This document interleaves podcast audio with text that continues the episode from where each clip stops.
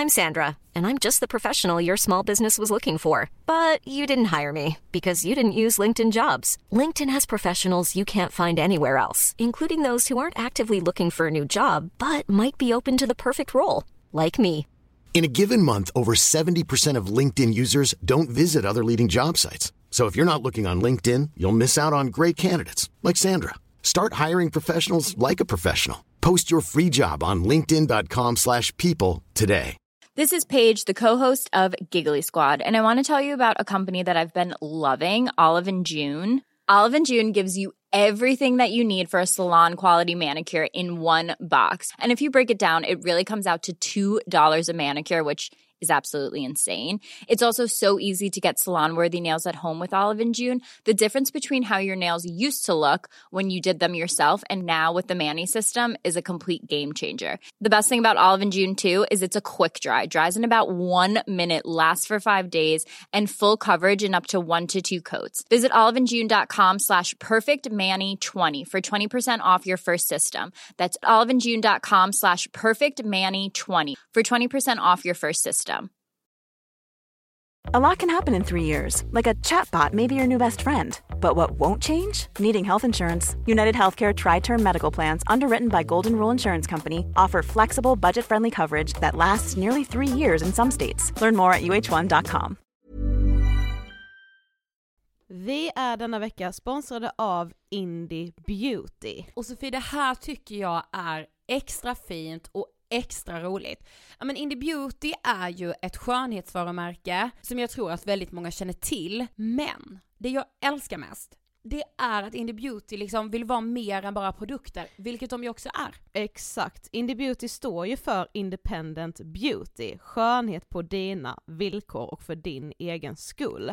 Och Indie Beauty tror ju stenhårt på ett alternativt skönhetsideal fritt från måsten, skam och känslor av otillräcklighet. Där är jag helt med Indie Beauty. Jag med. Det är så jag vill att skönhet ska vara. Ja men verkligen. Och vet du vad som är nytt för i år Sofie? Berätta. Från och med i år så skänker Indie Beauty 1% av sin försäljning till Suicide Zero, Tjejzonen och Djurens Rätt. Så när man handlar produkter från Indie Beauty så kan man liksom känna att man också ger tillbaka till samhället. Ja, kraften i tillsammans. Ska jag säga en sak nu då, Mm. som jag, det, men det är detta jag är extra glad över. Nu har Indie Beauty tagit fram en keps och den tycker jag ändå så på sommaren, skyddar sig från solen, Jättebra, jag älskar kepsen. men det bästa, de bidrar till Suicide Zeros viktiga arbete för att minska antalet självmord och självmordsförsök. Så för varje såld keps så går hela vinsten, 100 kronor, direkt till Suicide Zero. Då kan man liksom göra nytta både för samhället och sin hud på en och samma gång. Ja, och kepsen kostar 169 men alltså hela vinsten går då som sagt till Suicide Zero. Så om man vill göra skillnad när man är där ute i solen, nu när den börjar titta fram, då ska man välja den här kepsen. Den säljs exklusivt på indiebeauty.se och på Apotea. Tillsammans kan vi skapa en ljusare framtid. Vi ses med kepsarna på! Tack Indie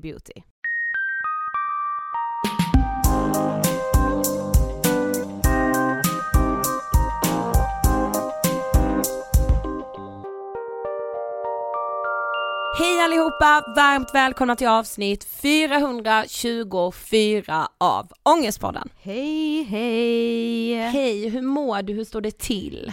Just nu har jag mensvärk. Oj. Så jag mår lite dåligt. Ja, jag fattar. Eh, och ha, nu fattar jag också precis som vanligt varför jag kände mig lite ledsen, framförallt i morse när jag var på väg hit. Ja, då kände du dig så? Då kände jag så i dagens, alltså jag visste att vi skulle spela in vårt intro idag Ja. och då tänkte jag att jag skulle säga, idag har jag en sån dag när jag bara känner så, alltså jag är bara så fake. Alltså jag Oj, är en ja. vandrande fake. Ja, jag kan det. ingenting, jag vet ingenting, alltså Ja. jag har lurat alla, jag är liksom sämst. Sjukt att kunna lura sig in i riksdagen och hålla seminarier. Ja men det känner jag att jag har gjort. Ja, jag fattar. Mm.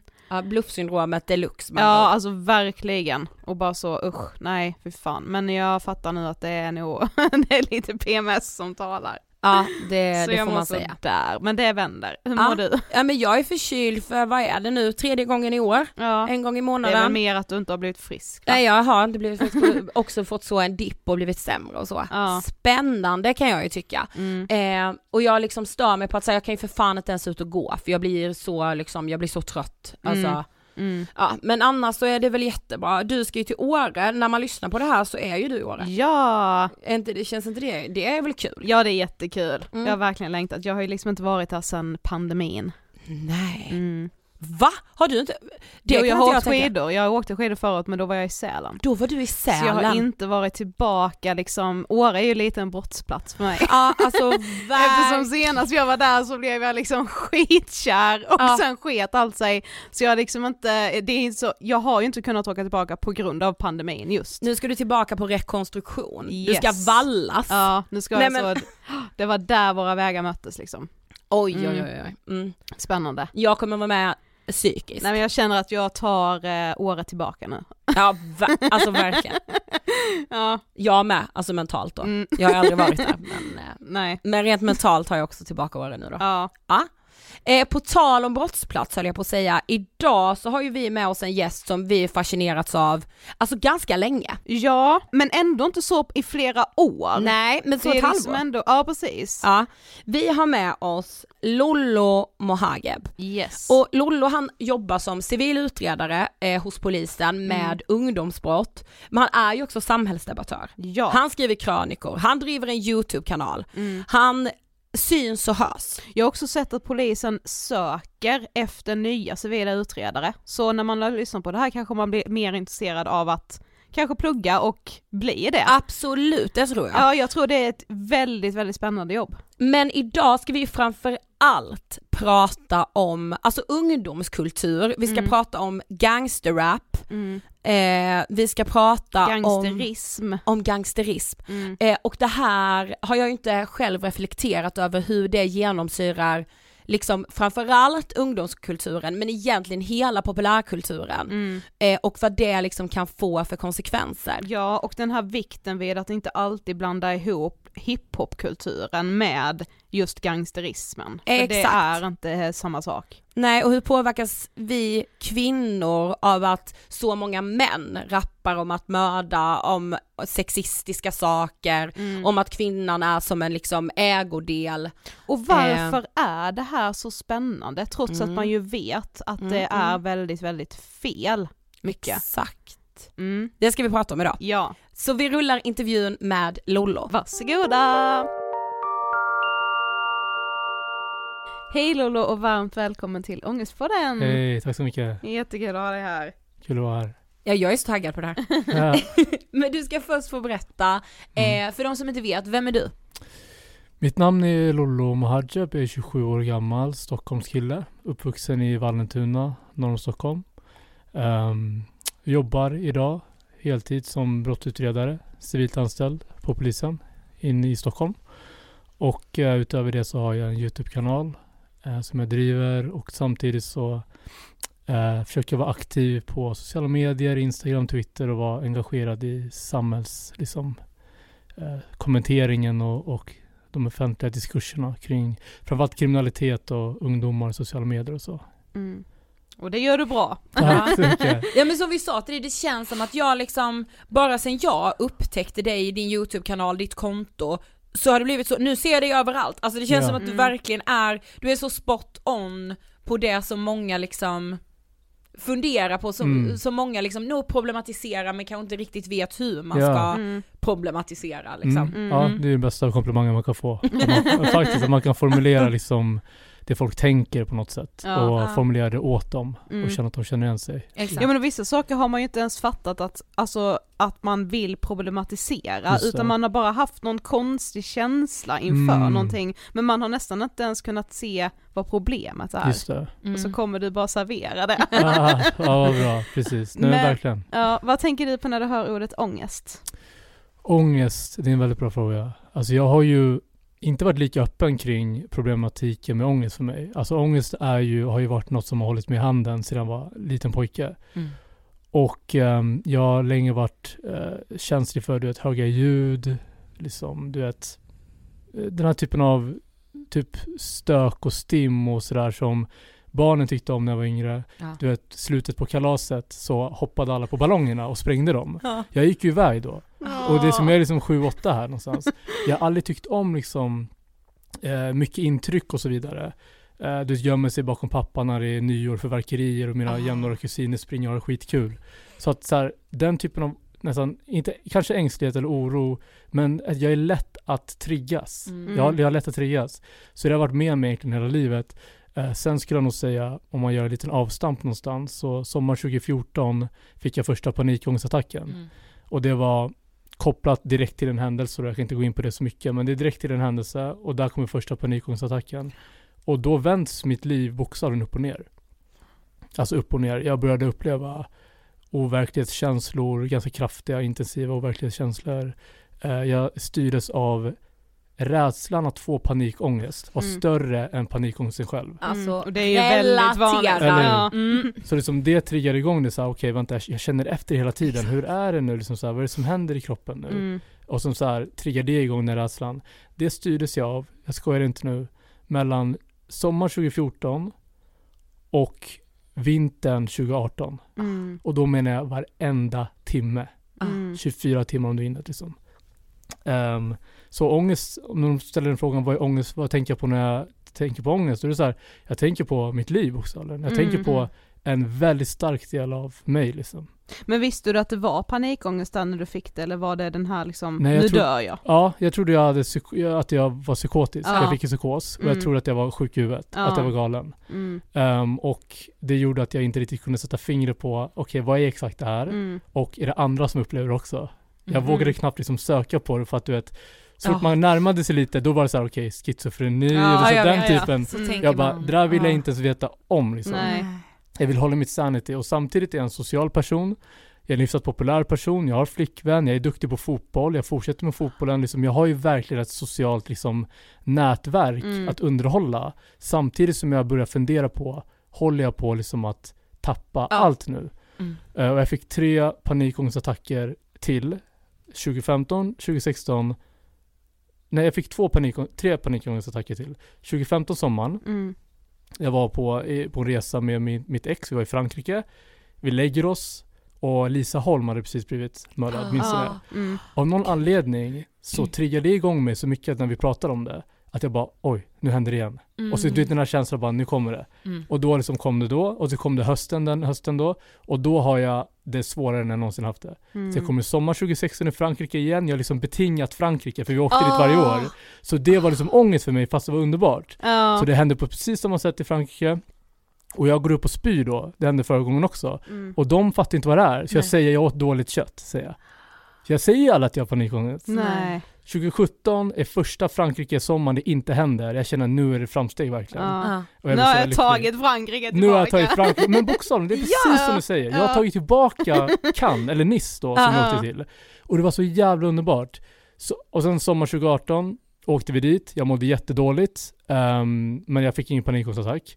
Och det var den hösten jag berättade för första gången för min egen flickvän Mm. att det här är ett problem som har varit med mig varenda timme, så länge du har kollat mig i ögonen, sen 2014 sommaren, för vi var tillsammans mellan 2011 och 2019, så har jag haft den här problematiken. Mm. Jag har legat bredvid dig i sängen och bara bett om att inte få panikångestattack tills jag somnar. Och sen vaknar jag på morgonen igen och kan börja min dag. Mm. Och det är först då hon får veta det.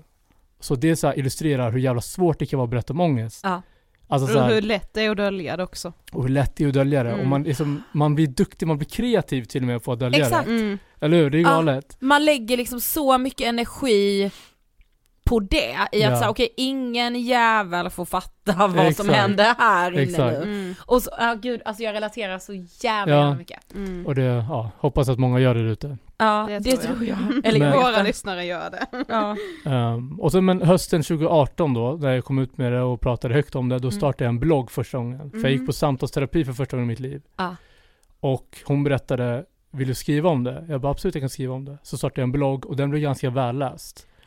Och sen då i januari 2019 började lägga upp första inlägget på Instagram någonsin om så här samhällsrelaterat. Mm. Mm. Och det handlade om gangsterrap väldigt tidigt. Så det är så jag kom in också på den eh, resan med typ sociala medier och skrivandet offentligt och sådär. Ah. Det var Spännande. Sprunget ur det liksom. Så det, att det liksom kom via ångesten på Mm. något sätt. Gud vad spännande. Precis. Så Mm. ja, det har en stor del, alltså Mm. som Ja. lång- kort svar liksom. Men, men som du sa nu, alltså du jobbar ju som civil utredare. Mhm. Hur hamnade du där liksom? Hur blev du intresserad av det? Ja, det var, ehm, jag jobbade, jag, jag gick ut gymnasiet 2014, Mm. eh, sommaren. Eh, och sen så, ehm, Så du är 95? femma, precis. Mm. Eh, och sen så, jag hade ju min flickvän och hennes eh, fantastiska pappa. Han jobbar, han jobbar inom eh, försvaret och Mm. liksom polisen och sådär. Um, insatt i båda delarna. Så då skickade de en länk till mig bara här, 114 14, vet du vad det är? Det är när man ringer liksom och det här, de söker operatörer. Och jag jobbar liksom på någon så här eh, låne, kränga lånegrejer Ah, liksom ja. då. För att det var första jobben efter Ja, gymnasiet verkligen. Mm. Och sen så sökte jag bara in och så fick jag jobbet direkt. Och sen kom jag in på det spåret liksom inom polisen. Mm. Väldigt liksom från vänster. Det var Mm. inte väntat att det skulle bli så men Nej. det blev så. Ja. Så intressant. Ja. Men du, idag vill vi ju prata om ungdomskulturen, det som många kallar för gangfluencers Mm. och om den utveckling som vi ser kring just kriminaliteten och våldet idag, kanske med koppling då till eh, ja men rapmusiken och ungdomskulturen. Eh, hur skulle du beskriva den idag, vintern, våren 2023? Den är ju väldigt, jag tycker den är både intensiv och destruktiv. På väldigt många sätt. Ehm, jag, jag tror att pojkar och flickor idag i Sverige, oavsett vart de befinner sig i landet, oavsett vilka socioekonomiska situationer de är i, påverkas av den här otroliga, det här otroliga firandet av gangsterismer Mm. i ungdomskultur generellt. Och det här verkligen får så mycket bränsle via den överkonsumtionen, för det är överkonsumtion som sker på de här apparna. Mm. Och jag hör det när jag säger det själv, att det låter liksom gammalmo- gammalmodigt. Det är svårt att inte här, bli den där bittra gubben som klagar på ungdomarna. Eller din boomer. Så Ja, en boomer, precis. Ja. Jag hör ju liksom hur det låter varje gång jag formulerar det. Så det är så svårt att nå fram med det här budskapet, men i alla fall. De har 7-9 timmars skärmtid per dag, de här ungdomarna. Om man tittar på vad, de, vad som dominerar deras liksom, eh, konsumtion, det är TikTok, det är Snapchat, det är Instagram. Mm. Okej. Där finns det riktade algoritmer som ska maximera engagemang för användaren. Mm.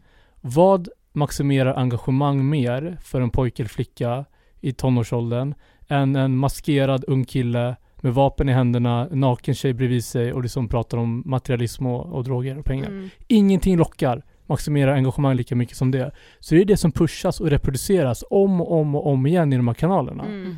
Och det leder till, i de ytterkanterna tror jag det leder till att pojkar framförallt lockas till att leva ut det där på ett plan så, så pass till en grad att de faktiskt söker sig dit utan att de behöver göra det. Mm. Ah.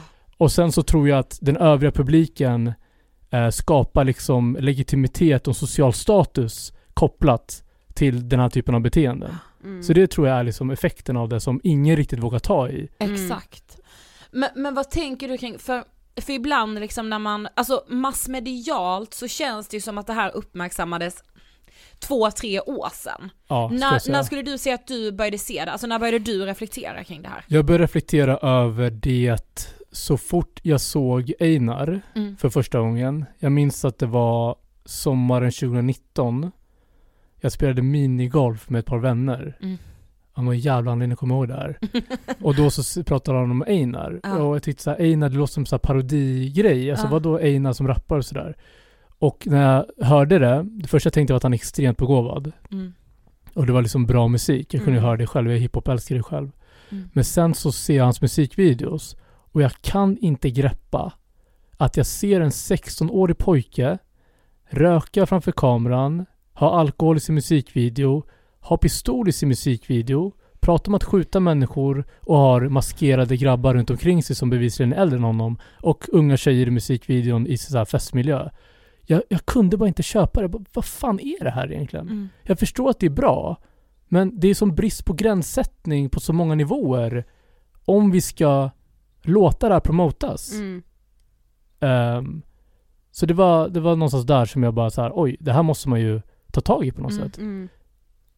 Men du har ju skrivit mycket om just så här gangsterism. Ja. Hur skulle du förklara det? Vad är det för något? Gangsterism är det till exempel, om vi tänker det här lekfulla TikTok-aktiga. Det Mm. är ju eh, danser till gangsterraplåtar och pistoltäcke mot kameran. Ja. Som många flickor och pojkar gör Mm. idag. Ja, gud, alla gör, alltså det, jag Alla gör det. Jag Men jag minns på- dans när du... När jag alltså, gjorde det på någon dans, Ja. förstår Ja. du? Du Varför bara gör jag, Ja, varför gör jag det? Alltså, precis. du? Och det är ju liksom i lekfull anda kanske och sådär. Ja men det är ju ändå sant. Vad har ni sett den här trenden? Precis. Ja, precis. Det är liksom integrerats in i liksom, i, i liksom vår, vår, vår, vår dans och våra sånger, våra texter. Mm. Det här med att skjuta människor, man gör liksom pistolljud och pistolgester mot kameran. Vissa gör gang signs mot det. kameran Mm. och liksom vill på något sätt så här alludera till någon form av eh, gängtillhörighet eller att man Mm. liksom i alla fall imiterar gäng och gatu, gatugängsestetik. Ja. Ehm, och det är svårt att göra distinktioner med vad är bara tonåringar som leker och har kul Mm. och vart är det verkligen så här, vänta nu, här måste vi sätta gränser. Mm. Det, det är det jag tror också vi försöker hålla på att fundera ut nu med, med hur det här bara utvecklas bland ungdomar idag. Fast Mm. alltså det känns som att alla, du kan ha 16-åriga Vilma och Elliot från Alingsås som gör samma typer av Exakt. danser och det för mig är det så, det är så främmande för mig att jag bara, jag vill bara reda ut vad fan är det som händer liksom. Mm. Så därför har jag liksom verkligen försökt integrera den här konversationen i du vet, den bredare liksom diskursen om vad är det egentligen som driver Mm. 16-åringar till att ha ihjäl människor? Mm. Och vad är det egentligen som driver nyrekrytering? Mm. Då blir det väl relevant att prata om vad är det pojkar och flickor tittar på konstant?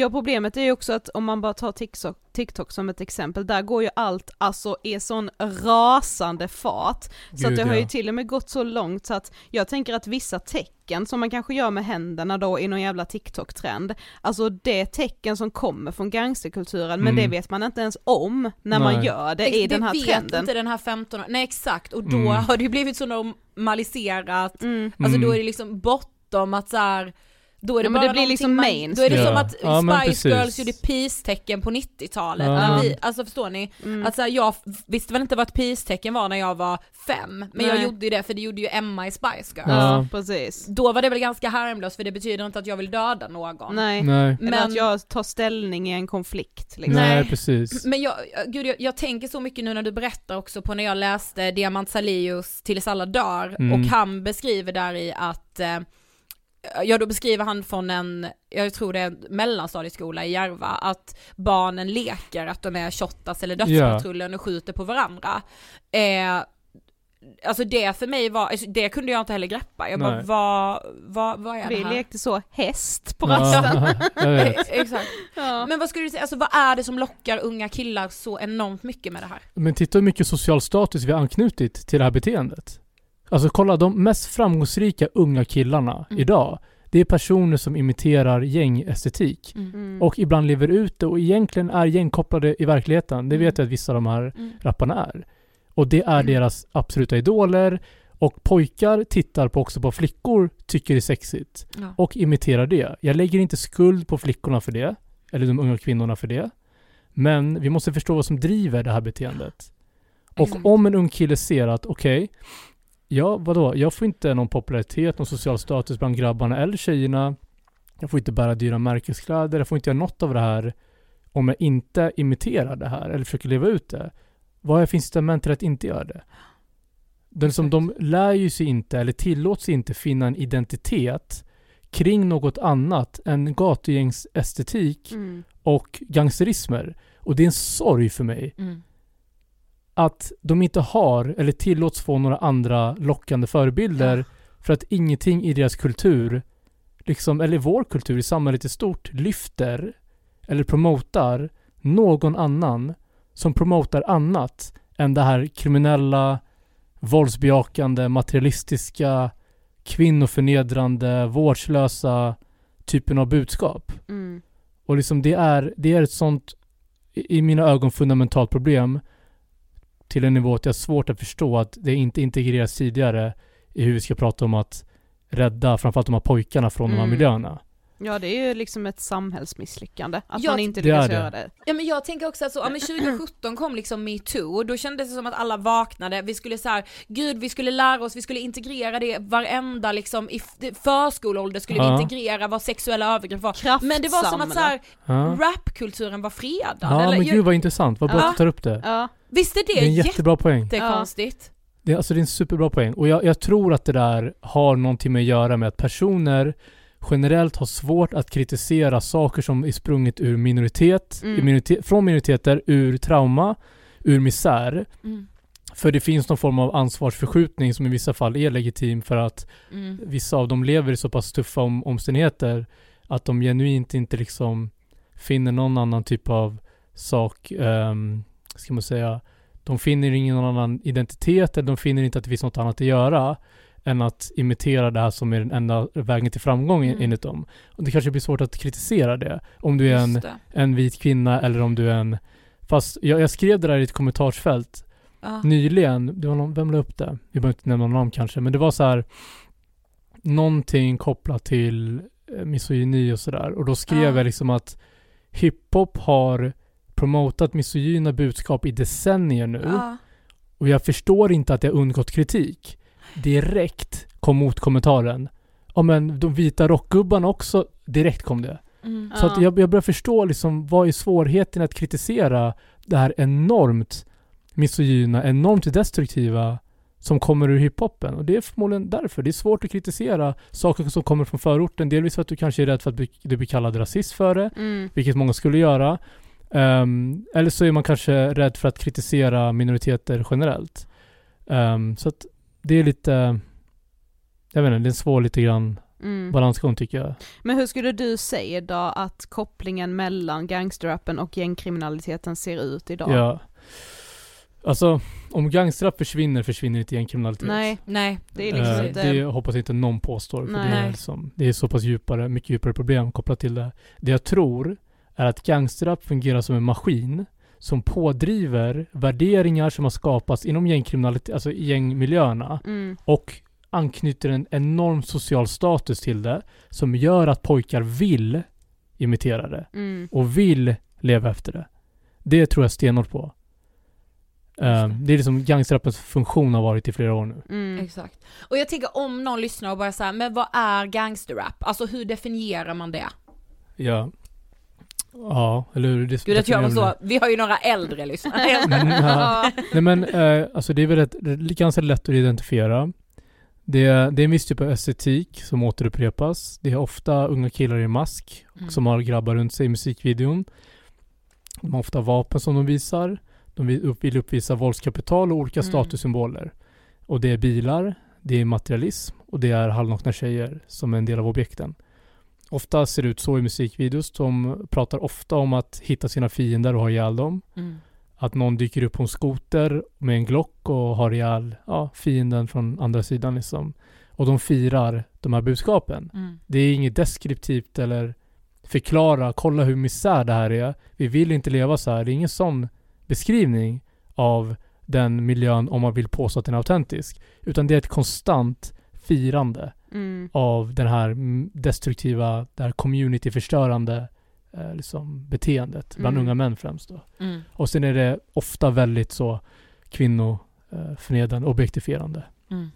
Kvinnorna är del av statussymbolerna inom Mm. hiphop och har varit länge.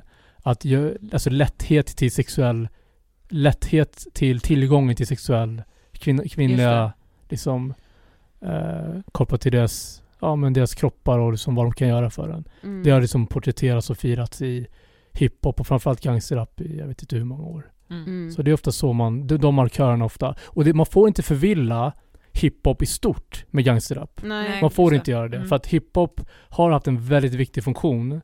Framförallt liksom 70-talets USA. Precis. Liksom, eller hur? De, det användes ju som ett verktyg för de kvävda, förtryckta rösterna. Att, alltså att Mm. berätta historier från de platserna. För att man lyssnar inte annars. Nej. Och svarta afroamerikaner har alltid haft en historia av att göra något fantastiskt av misär. Mm. Ehm, och hiphop är en sån produkt. Men det har utvecklats till någonting helt annat idag. Så att det går inte bara backa bak och säga som Jonna Sima säger, de rappar bara om sin verklighet. Det ska de få göra. Så här, det går inte längre. Nej. Utan mycket av det här också är liksom att de ibland kommenterar verkliga eh, konflikter som pågår i realtid där folk har dött på varsin sida. Hånar folk som har dött och så vidare. Mm. Och det eskalerar våld i verkliga livet. Så så här, man, man ska nog kunna vara noga med att identifiera vad gangsterrap är och identifiera liksom när man måste ingripa på något sätt Mm. som, som kollektiv. Mm. Ja. Och det har vi inte, vi har inte gjort jobbet att identifiera de här delarna tidigare. Nej, Just- nej, för det har ju ja. pratats mycket i kulturdebatten just om det här med att man måste skilja på Mm. verk och person och Jag de rappar bara om sin verklighet. Ja vad tänker du kring hela det, Alltså, den debatten? Ja men jag blir så trött så fort jag hör det där. För att det går inte att nöja sig med att, att skilja på verk och, alltså det, det är sammanflätat. Mm. Det är det som är så unikt med gangsterrap. Det har i vissa fall verkliga gängkopplade individer som är aktiva i att förstärka sitt, sin gängtillhörighet i musiken. Pengar som kommer via vita pengar från STIM, som kommer från Vilma och Elliot från Alingsås, Mm. går direkt till att stärka gängverksamhet. Och så kan de promota sitt gäng via musiken. I vissa fall är det personer som faktiskt begått våldsbrott i gängets namn som gör den här musiken. Mm. Det går inte att skilja på person och verklighet när det är sammanflätat. Det är omöjligt. Mm. Så vi måste ha andra typer av förhållningssätt idag än vad vi kanske hade. Det här är som vissa säger så här, ja men om en man som har mördat någon målar en fantastisk tavla, då är väl tavlan fortfarande fantastisk. Men om man använder pengarna från tavlorna som man tjänar, använder det för att köpa vapen för att skjuta mer, fler människor, Mm. då behöver vi förhålla oss till det annorlunda. Ja då hade man nog inte varit så sugen på att köpa den tavlan liksom. Eller hur? Mm. Om det... Och ha den på väggen hemma. och ha den på väggen hemma Ja. och liksom njuta av konsten. Fast vissa av Einars låtar är fantastiska, vissa av Yasins låtar är fantastiska. Absolut. Mm. Jag säger inte något om att värdet eller kvaliteten förstörs. Jag säger att jag gör ett strategiskt val för att jag värnar om samhället att inte hjälpa till att promota de här budskapen, delvis, och delvis också inte bidra till att pengar går in, vita pengar går in till de här personerna, för jag är inte säker, kopplat till deras tillhörighet och vilka de hänger med, att pengarna inte går till att förstärka gängverksamhet ytterligare. Mm. Det är ett strategiskt val. Det handlar inte om att så här, peng- eh, låtarna blir sämre. Nej, det är inte det det handlar om. Det handlar om att liksom vara mer vaksam. För det är, en, det är en ny tid och det är, nya, det är en ny utveckling idag. Som vi inte riktigt sett tidigare. Då behöver vi andra konversationer. Alltså det här är så intressant. Alltså, Ja för jag kan ju hålla med, alltså så bara nej men jag borde inte heller lyssna men det gör jag ju. Mm. ja. Jag tycker Precis. det är svinbra, jag kan ju liksom Ja. inte så låta bli typ. Ja. Men, Eller, men om man ja. då tänker, alltså hur viktigt är autenticiteten för de här rapparna? Alltså att efterleva det som man faktiskt rappar om? Det är superviktigt. Mm. Det har liksom varit en, en fundament i hiphop väldigt tidigt. Ja. Att det, du, om du är äkta, ehm, då så blir du mer hyllad. Och om du inte är äkta och porträtterar det, best believe att du kommer bli testad. Mm. För att de vill testa din äkthet. Och det hände med Einar tidigt. Så det, det, det är inte en bra liksom... Det, det är så, alltså hiphop är en sån, den typen av hiphop är en sån otrolig så här, manifestering av alla typiskt sett destruktiva beteenden kopplat till macho som kultur. Ja, så, jag mm. förstår inte hur den överlever. Jag gör inte det ärligt talat. Om jag verkligen tänker på det. Den är så otroligt destruktiv. Det är unga män som inte har respekterat en kvinna i en låt sen, alltså jag vet inte när. Nej om man Det- tänker på hur kulturen i övrigt ser ut så är ju liksom den kulturen så extrem så det blir nästan en parodi för att Mm. det är så Mm. extremt. Alltså med så kvinnosynen och Mm. liksom, ja. Alltså det är ju, men det är svårt det där med konst för att så här, jag tror ju mer än vad många tror att konst påverkar verkligen livet väldigt mycket. Populärkultur, sättet vi konsumerar det idag, det påverkar verkligen Exakt. hur vi pratar, hur vi ser på varandra, Mm. vilka tankar vi får. Det är som pornografisk konsumtion. Mm. Det är samma sak. Det påverkar liksom upplevelsen av varandra. Ehm, och våra värderingar, våra intressen, våra prioriteringar. Varenda mobil jag har kollat på i mitt jobb, alltså där man tömmer mobiler och går igenom dem Just- sådär. mm. Varenda en har en gangsterraplåt Mm. som är skriven. Och det handlar om att skjuta ihjäl folk. Mm. Och det handlar om vanliga människor som jag har kollat på mobilen på. Och även förundersökningar som jag läser, för att jag gör ju den typen av videos på YouTube, jag går igenom förundersökningar. Mm. Nästan varenda av de här misstänkta har gangsterraplåtar som de har skrivit där de pratar om att skjuta ihjäl folk. Så att så här, det skapar en drivkraft hos unga män att vilja leva ut det här och Ja, imitera det. Och jag tycker det är så jävla synd. Mm. För att vi borde uppmuntra unga män till bättre. Mm. Men det gör vi inte. Jewelry isn't a gift you give just once. It's a way to remind your loved one of a beautiful moment every time they see it. Blue Nile can help you find the gift that says how you feel and says it beautifully with expert guidance and a wide assortment of jewelry of the highest quality at the best price. Go to BlueNile.com and experience the convenience of shopping Blue Nile, the original online jeweler since 1999. That's BlueNile.com to find the perfect jewelry gift for any occasion. BlueNile.com. Hiring for your small business? If you're not looking for professionals on LinkedIn, you're looking in the wrong place. That's like looking for your car keys in a fish tank.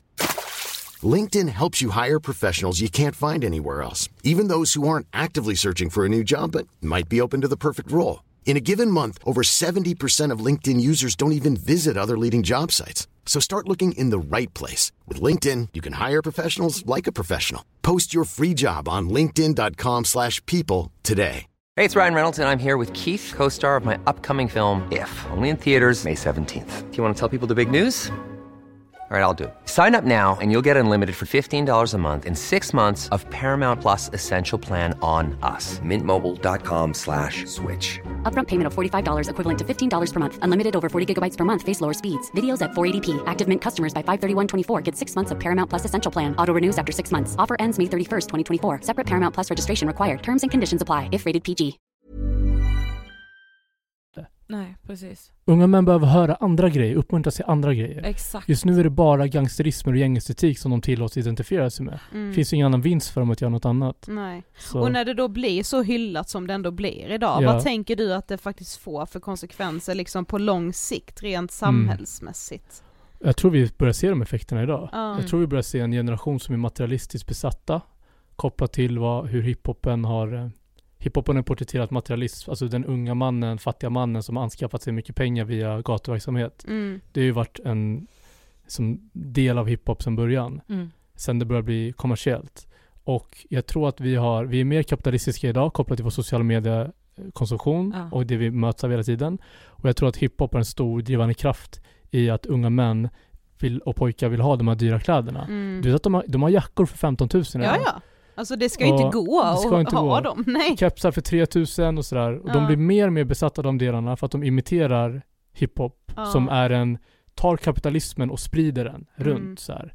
För att det kommer ju afroamerikansk desperation och trauma som, som har liksom så, så fort en rappare får pengar då köper han klocka och filmar klockan så här, Mm, mobilen ja, och visar upp den och visar sitt smycke och säger ja, kolla Ja. vad jag har fått, det här är inte ni. Mm. Den typen av social, den typen av stress skapas hos pojkar och unga män Mm. väldigt tidigt, rekordtidigt tror jag idag.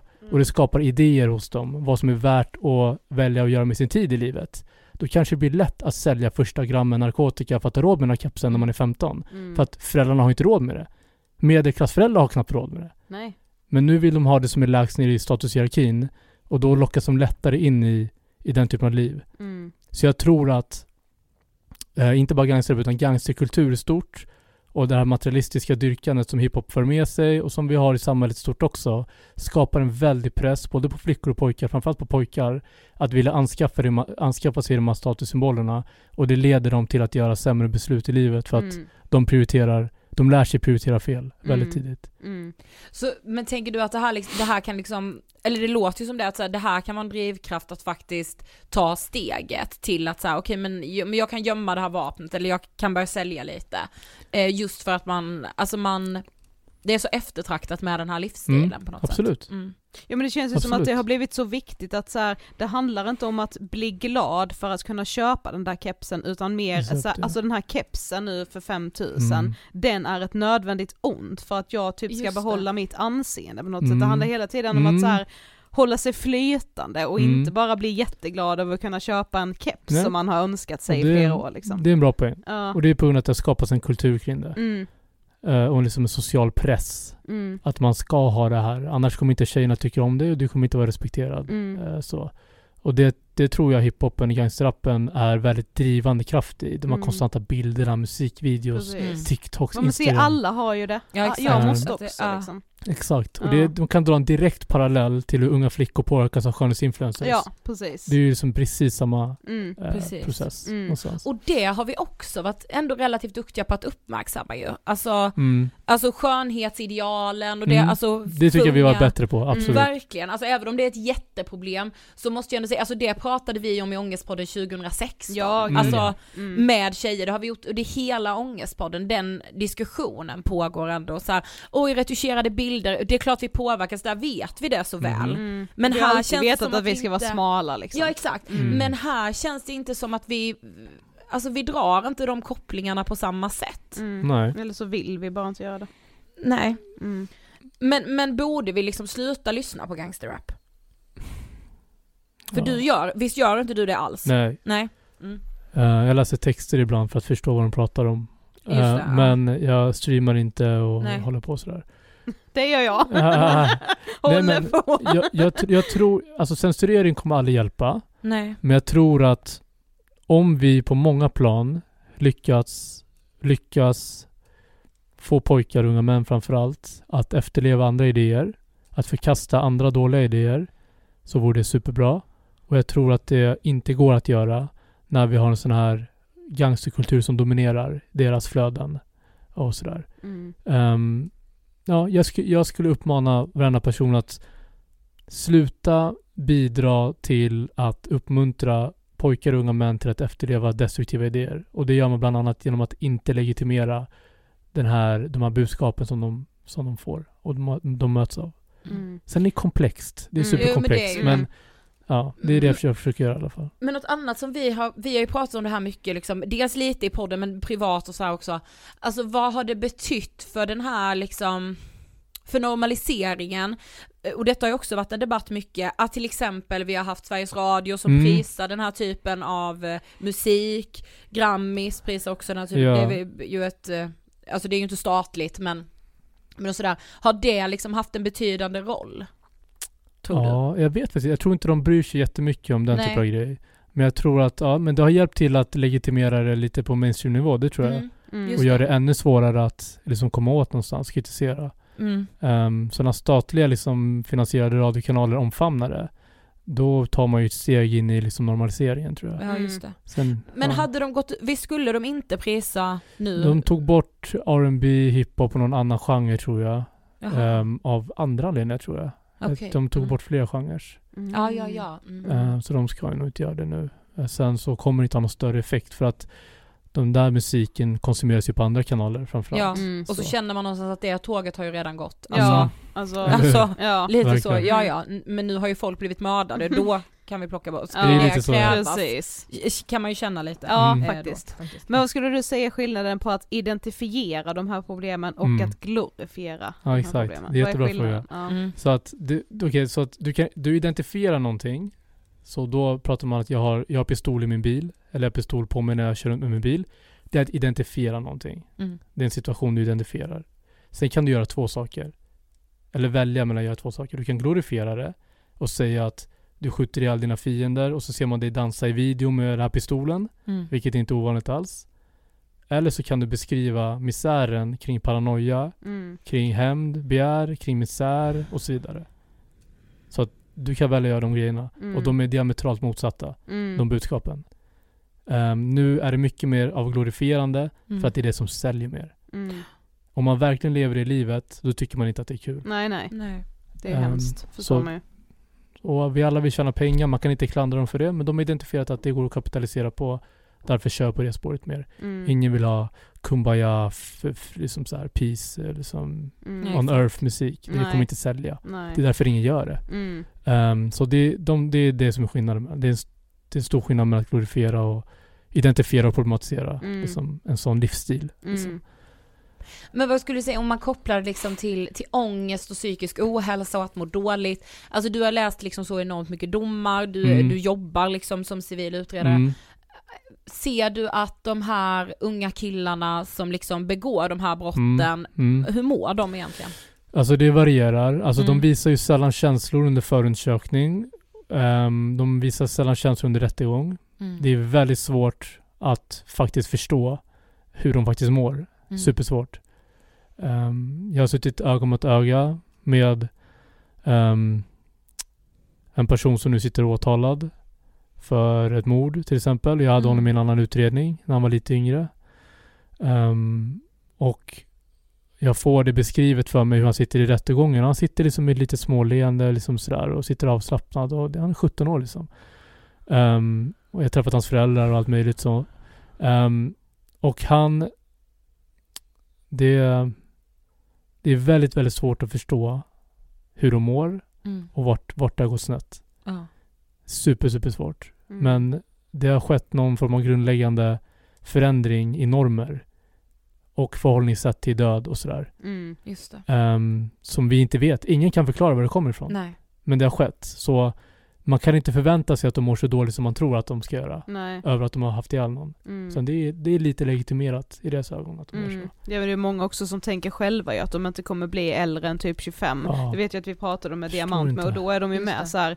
Då sänks ju moralen också på något sätt för Ja. de är ändå helt övertygade om att de ändå inte kommer bli så Precis. gamla. Och vad kommer det ifrån i bland de bästa länderna i, i, som i världen? Ja, Var kommer den känslan ifrån? ja. Då är, där, det säger också någonting om det samhälleliga misslyckandet. Ja. Om så många unga män går runt och är helt Ja. övertygade om att de inte kommer bli en dag äldre än 25. Nej. Och, så, och att de är ganska likgiltiga. Ja. Alltså att det finns de som är likgiltiga inför att Den- ha mördat någon. Den grejen alltså. förstår jag dock inte. Och det är det vi inte kan förklara. Mm. Var, var det där kommer ifrån. Mm. Alltså man kan säga droger i vissa fall men kan inte förstå den likgiltigheten. Inte bara likgiltighet utan också firandet av det. Alltså man, vi, Mm. man ser ju i chattar efter de har haft ihjäl någon. Alltså jag läste en förundersökning med den här flickan Adriana som blev ihjälskjuten i Mm. Norsborg. Alltså det är ju det är en felskjutning rakt av. De Mm. skjuter med raka 47 ur bilen vilt och hon träffas i bröstet. Mm. Man ser ju i chattarna någon dag efter. De spelar Fifa och pratar om nästa, nästa liksom, eh, drogaffär de ska göra. Och då har de liksom ha- ändå råkat ha ihjäl en helt oskyldig flicka. Ja, Ett 12, barn. Ett litet Ja. barn. Och de så här, det, det, jag förstår inte var det kommer ifrån. Jag tror ingen kan förklara var det kommer ifrån. Nej. Kanske inte som själva heller. Och det, det är nog den likgiltigheten och den bara, ah, nonchalansen som är läskigast med, med hela den här utvecklingen. Mm. Att här, om de råkar ha ihjäl mig till exempel, de, de, jag ser ut som någon annan, Mm. då vet jag att de inte bryr sig. Ja, precis. Ja men det är det Det- som ger en fullständig Ja. Eller hur? Alltså man, man vill ju ha en reaktion. Man Ja. vill ju att men nu måste du ju bryta ihop. Ja. Ja, bara fuck, Alltså- nu blev det till och med fel liksom. Mm. Inte så dåligt liksom. Nej. Så, och man vet inte vilken utsträckning heller de håller inne allting. Nej, Hur de dämpar allt. Så här, man vet ju inte heller faktiskt vad som händer. nej. Men det som är säkert är att de verkligen inte vill visa någonting för polis, Mm. frivård, rättegången, utan de ska vara verkligen Eller för varandra Hårda. då, om de Ja. kan sitta och spela. Möjligtvis så. alltså- Ja, möjligtvis att de inte heller vill visa för varandra. Det är möjligtvis så. Man hade hoppats kanske att de hade verkligen så här stunder där de bara så här, vad fan gör vi? Vad Ja, helvete? precis. Ja exakt, Och så här, exakt. ja men vi går och köper tramadol, pallar inte tänk, känna så här. Man Mm. hoppas ju det. Mm. Exakt. Men inget av det jag sett i förundersökningar påvisar någon form av ånger någonsin. Någonsin. Nej, det är Utan det- spännande. Det är, det är någon form av utveckling som har skett i, i Sverige. Mm. Och det är just det, det händer i Sverige. Det händer Mm. knappt i andra länder. Nej, det det är så jävla bara här. Vi har någon Exakt. jättekonstig spiral Vad är här. det? li- Ja, alltså, Ja. det blir man ju alltså... Ja, vi blir inte klok på det. Nej. Men nu har vi pratat väldigt mycket om eh, killarna, men hur skulle du Mm. säga att tjejer faktiskt kan påverkas av hela den här ungdomskulturen? Alltså det, då tänker jag främst uh, skönhetsinfluencer-grejen. Mm. Mm. Jag tror att flickor lär sig i rekordtidig ålder där också att reducera sig själva till sina kroppar, sin sexuella attraktion och um, se till att reducera sig till det och nu gå ut och konkurrera ute Ja, i, i, i världen, sociala medier och internet. Mm. Gå ut och konkurrera nu, för du kommer aldrig bli sedd eller uppskattad om du inte konkurrerar på det här sättet. För du måste antingen vara väldigt begåvad inom sång, konst, vara atlet, Mm. ehm, eller måla eller sådär, någon, någon form av artisteri, för att kunna producera någonting där världen svarar på dig med uppskattning. Ja, exakt. Mm. Om du inte har det, och det är superlätt då, klä av dig kläderna och visa vad du har. Börja göra de här danserna för oss. Ja, Mm. Twerka lite nu. exakt. Ta den här bikinibilden där du, eller ta den här bilden när du är trosor och du böjer ner och du är fucking, du är 15 år gammal. Mm. Och lägg ut det till omvärlden och då kommer hon se vilken otrolig respons du får. I hennes värld är det förmodligen kärlek, Mm. uppskattning. Det som faktiskt händer är en, är en total sexualisering, reducering av hennes sexuella, eller av hennes liksom så här Mm. värde i stort och reduceras ner till sexuell attraktion och vi vill ha mer bilder för att Exakt. min blick ska njuta av det. Jag vill ha din Snapchat för att du ska skicka de bilderna till mig. Eh, får jag ditt nummer, Instagram DM, Sugar Daddies, kom, åk Mm. till LA och fe- festa med oss. Ja. Eh, ja, du får åka till den här klubben. Så fort du är 18 så märker de liksom äldre killar bara, ja men du får gå bakvägen i den här klubben. Exakt. VIP, exklusivt och så vidare. Mm. Allt tack vare att du promotar sexuell attraktion på internet. Mm. Det lär sig flickor idag, förmodligen i rekordtidig ålder. Ja. Mm. Eh, och hur fan kan vi vara förvånade då? Att kroppsångest, ätstörningar, alla de delarna inte är en konsekvens av det. Mm. Exakt. Det är så jävla tydligt alltså. Men jag tänker på det med att du, nu, nu som du sa att så här, och detta har vi nämnt i Ångestpodden flera gånger innan, men det är liksom ett sånt skräckexempel för oss.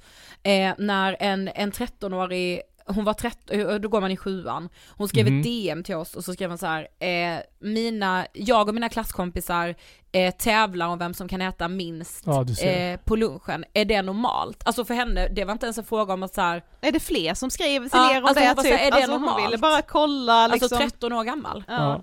Det är sjukt. De tävlar om vem som kan, alltså för mig var det så här, eh, vad, Mm. vad gör vi, eh, vi behöver göra någonting nu. Mm. Ja. Eh, och jag, vi fattar ju att det är inte den enda 13-åringen som har det så. Nej. Eh, och det är liksom, alltså den förflyttningen i att så här, okej nu tävlar vi om det här, för vem ska bli smalast? Just det. Mm. Alltså, Mm. det är liksom, det är nattsvart när jag tänker det. Och om vi får tänka så här, okej, människor föds, de är noll år gamla och sen börjar de bli äldre och sen börjar de lära sig saker själva. De börjar ta till sig budskap, de börjar känna att de förstår världen lite mer och mer och de börjar utforska hur ser världen på mig? Okej, om de är 13 år gamla, vad tror ni att de här budskapen har kommit ifrån? Mm. uteslutande. Jag kan inte se att det kommer någon annanstans ifrån. De medierna som de konstant 7-9 Klart. timmar liksom per dag konsumerar. Mm. De kollar inte på TV lika mycket. Nej. De kollar inte på reklam liksom som vi tittade på när det är mellan filmer och sådär. Eller nej nej. på filmer så här. De är Och, så reklamavbrott, vad är det? eller hur? Vad fan är reklamavbrott? Ja, Eller man så har streamingtjänster i det är inte på samma sätt utan det är det här konstanta flödet Mm. av berättelsen om dig och världen. Mm.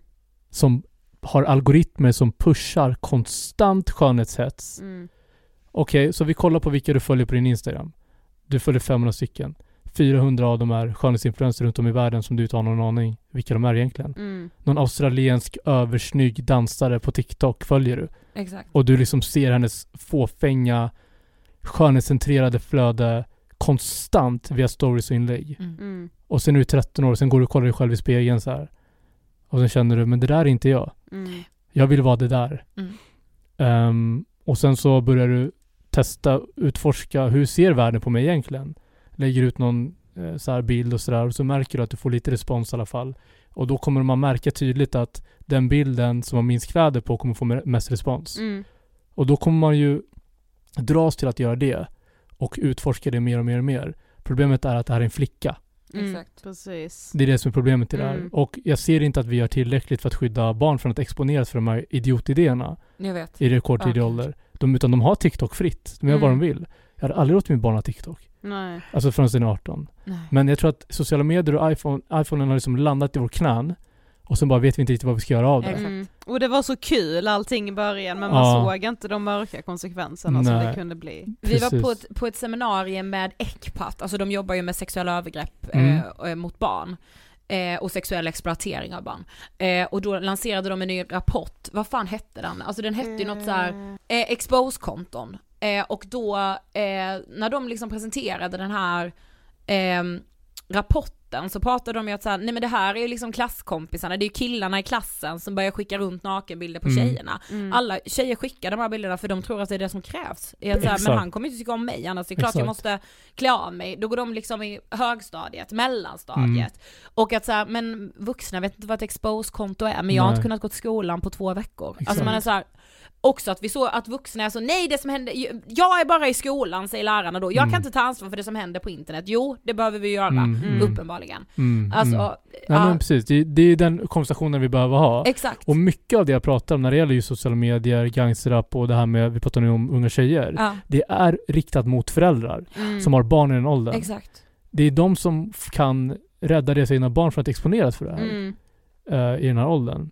Så eh, det är superviktigt att man fortsätter driva den konversationen liksom Mm. hela Ja. tiden. För att ja, det, det är om nytt. skiten liksom för Mm. att man ska fatta att det är en vardag. Det är vardag ja, Ja. exakt. Och Mm. det är ju så pass nytt där. Det är ju Ja. senaste tio åren, om ens det, om det är senaste sex, sju åren kanske. Exakt, det exakt. verkligen tagit den här farten och den här utvecklingen. Ehm, och vi alla är så sjukt nya till det. Ehm, och det är ju en otrolig revolution där, teknologisk revolution där. Och vi människor liksom behöver bara nu reda ut hur kan vi ja, men kapitalisera på det, man tjänar pengar på det, vissa blir egenföretagare via Mm. och så vidare. Men hur kan man också skydda de som bör skyddas? För att det är inte, det är inte bra budskap som sprids. Nej och så här, vi får ju liksom ändå inte, al- algoritmer kan ju vara skitcoolt och jättekul och spännande på många sätt men algoritmerna får inte styra vårt liv. Nej, Och det känns ju som att det är det det håller på att göra mer. Det gör det. Ja. Men om vi tänker då Verkligen. liksom, alltså gangsterkulturen just, Mm. alltså hur tror du den påverkar unga tjejer? För jag menar tjejer lyssnar ju lika mycket som killar på den här musiken och Absolut. tar del av det är ju det. det som förvånar mig mest. Jag tror att det kan internalisera sexism väldigt mycket. Mm. Det har hiphop är verkligen hjälpt till med. Normalisera det språket. Just det. Ehm, så, det är sjukt intressant. Varför lyssnar unga tjejer på den här Mm. På de här unga machomännen? Ja, Varför lyssnar jag? Jag är 30 år gammal. Ja, när Varför de typ- trycker jag play? Ja, det är en och så kan de sjunga om fråga. att så liksom spruta en tjej i ansiktet Ja, och jag är så fan och jag är så Repeat, ah, alltså. exakt, nu kör vi den Jag- igen! Exakt. Jag förstår liksom inte. Nej, och det gör inte jag heller. Jag har ställt det på många gånger.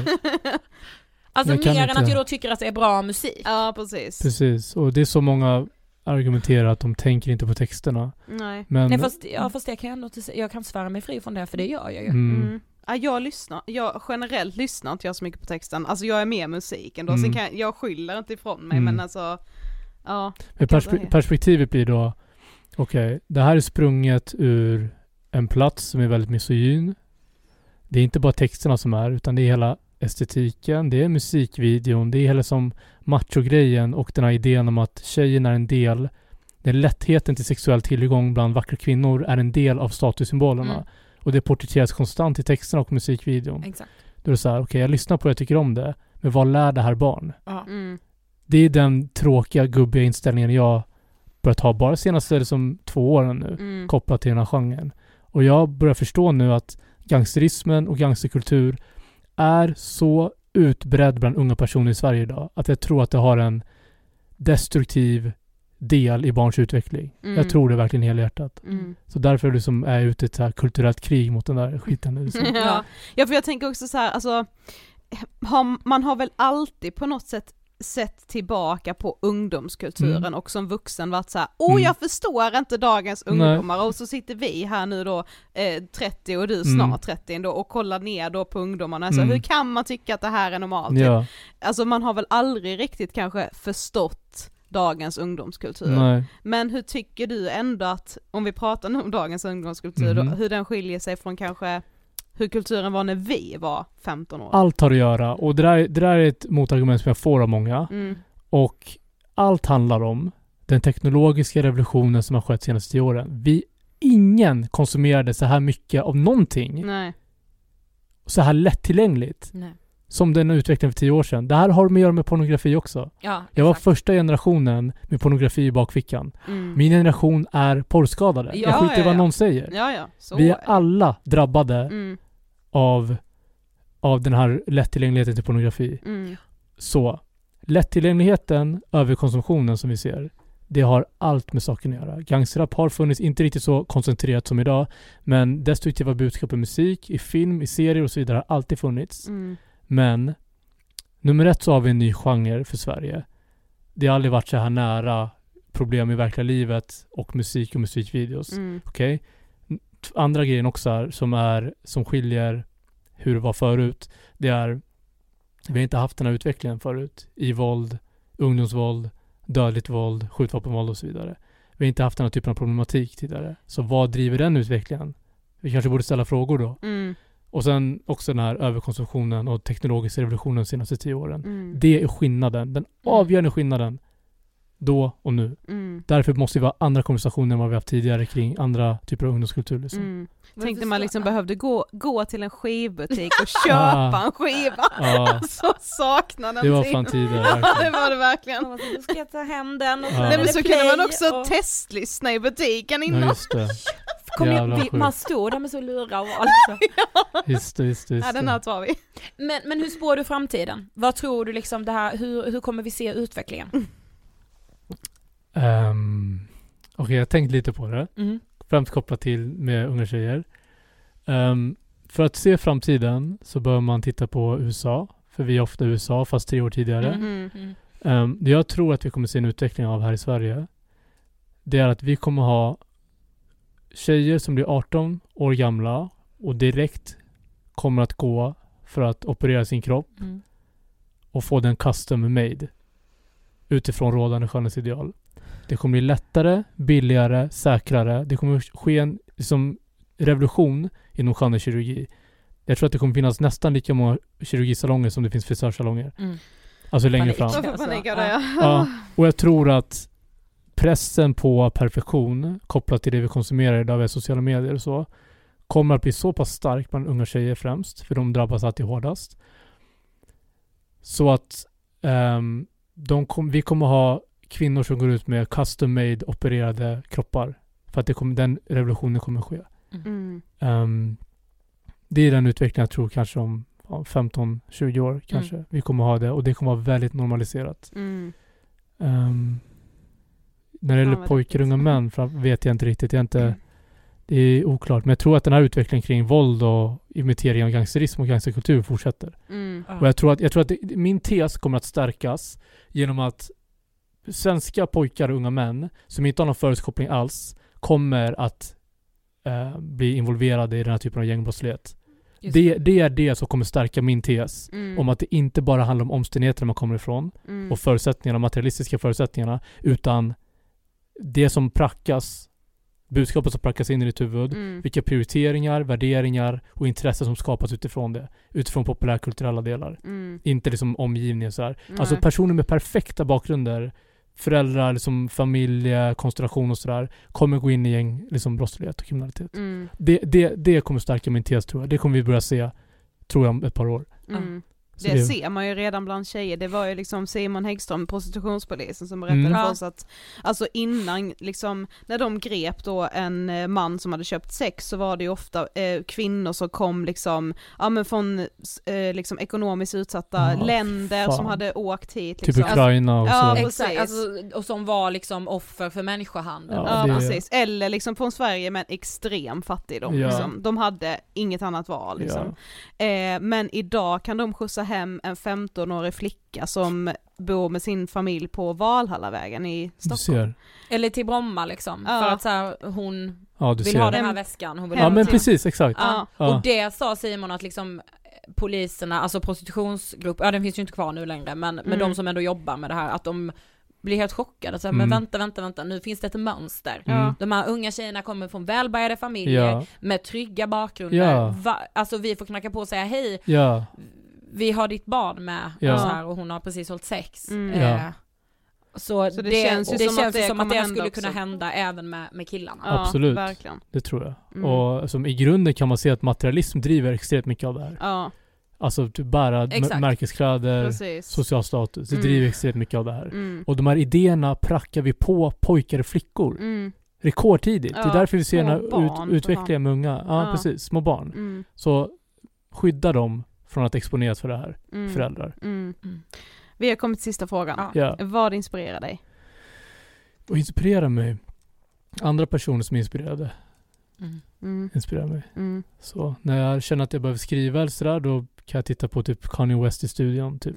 Och sen kickar igång någonting. Mm. Och sen kör jag typ. Ja, Ja. fint. Lycka till med din YouTube och allt. Tack så mycket. Alltså tack för att du ville gästa oss. Tack för att jag fick komma.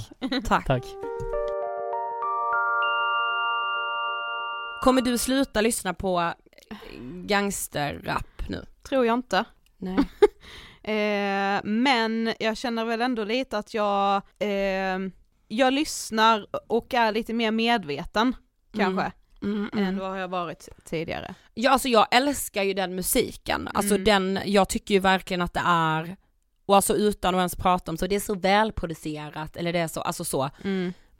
Så tycker jag ju verkligen om den musiken men jag måste nog också förstå att det inte kanske är helt oproblematiskt. Nej. Och sen ibland blir man så, ah, ska jag, varför ska jag alltid då vara någon jävla moralkärring och springa med moralpanik? Mm. Som de gjorde när så tv-spelen kom och det finns någon så gammal debatt från 80-talet och de bara Barn kommer ju skjuta varandra typ. Mm. Alltså så. Men samtidigt nu skjuter ju barn varandra. Ja, Nu finns det ju liksom de facto det som händer. precis. Eh, två tankar i huvudet samtidigt som har blivit liksom lite av våra favoritord.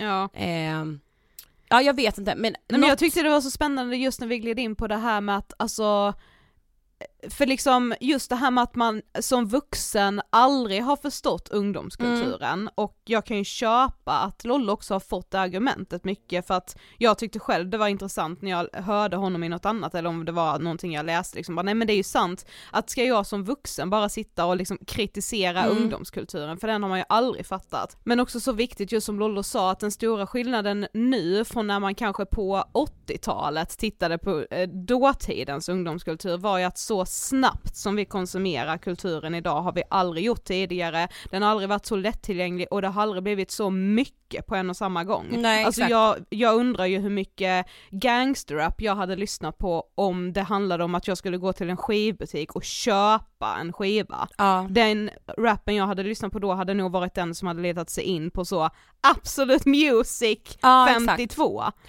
52. Ehm, ja, så Ja. det är väldigt intressant. Nej men alltså Lollo är så smart. Mm. Alltså jag är tokig i honom, alltså verkligen. Jag vill lyssna på allt han medverkar i. Och jag är jätteglad att han ville gästa Ångestpodden. Ja, så tack så jättemycket Lollo för att du ville göra det och vill man se mer så har han ju som sagt en YouTube-kanal. Ja och där går han ju igenom brottsfall, alltså kolla på förundersökningar, vad är det som har hänt. Eh, jag har nog sett alla videos. Mm. Och YouTube-kanalen heter bara som, som hans namn, Lollo Mohageb. Yes, och det är samma på Instagram. Ja. Eh, det var allt för den här veckan. Ja men du det var det. Vi hörs precis som vanligt nästa torsdag. Det gör vi, hej då! Hej då!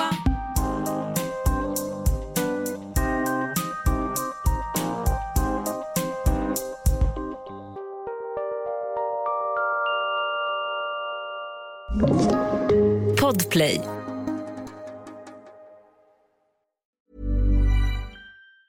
Hey, it's Danny Pellegrino from Everything Iconic. Ready to upgrade your style game without blowing your budget? Check out Quince. They've got all the good stuff shirts and polos, activewear, and fine leather goods, all at 50 to 80% less than other high end brands. And the best part? They're all about safe, ethical, and responsible manufacturing.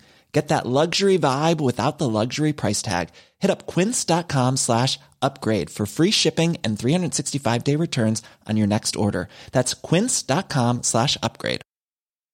Hi, I'm Daniel, founder of Pretty Litter. Cats and cat owners deserve better than any old fashioned litter. That's why I teamed up with scientists and veterinarians to create Pretty Litter. Its innovative crystal formula has superior odor control and weighs up to 80% less than clay litter. Pretty Litter even monitors health by changing colors to help detect early signs of potential illness. It's the world's smartest kitty litter. Go to prettylitter.com and use code ACAST for 20% off your first order and a free cat toy. Terms and conditions apply. See site for details.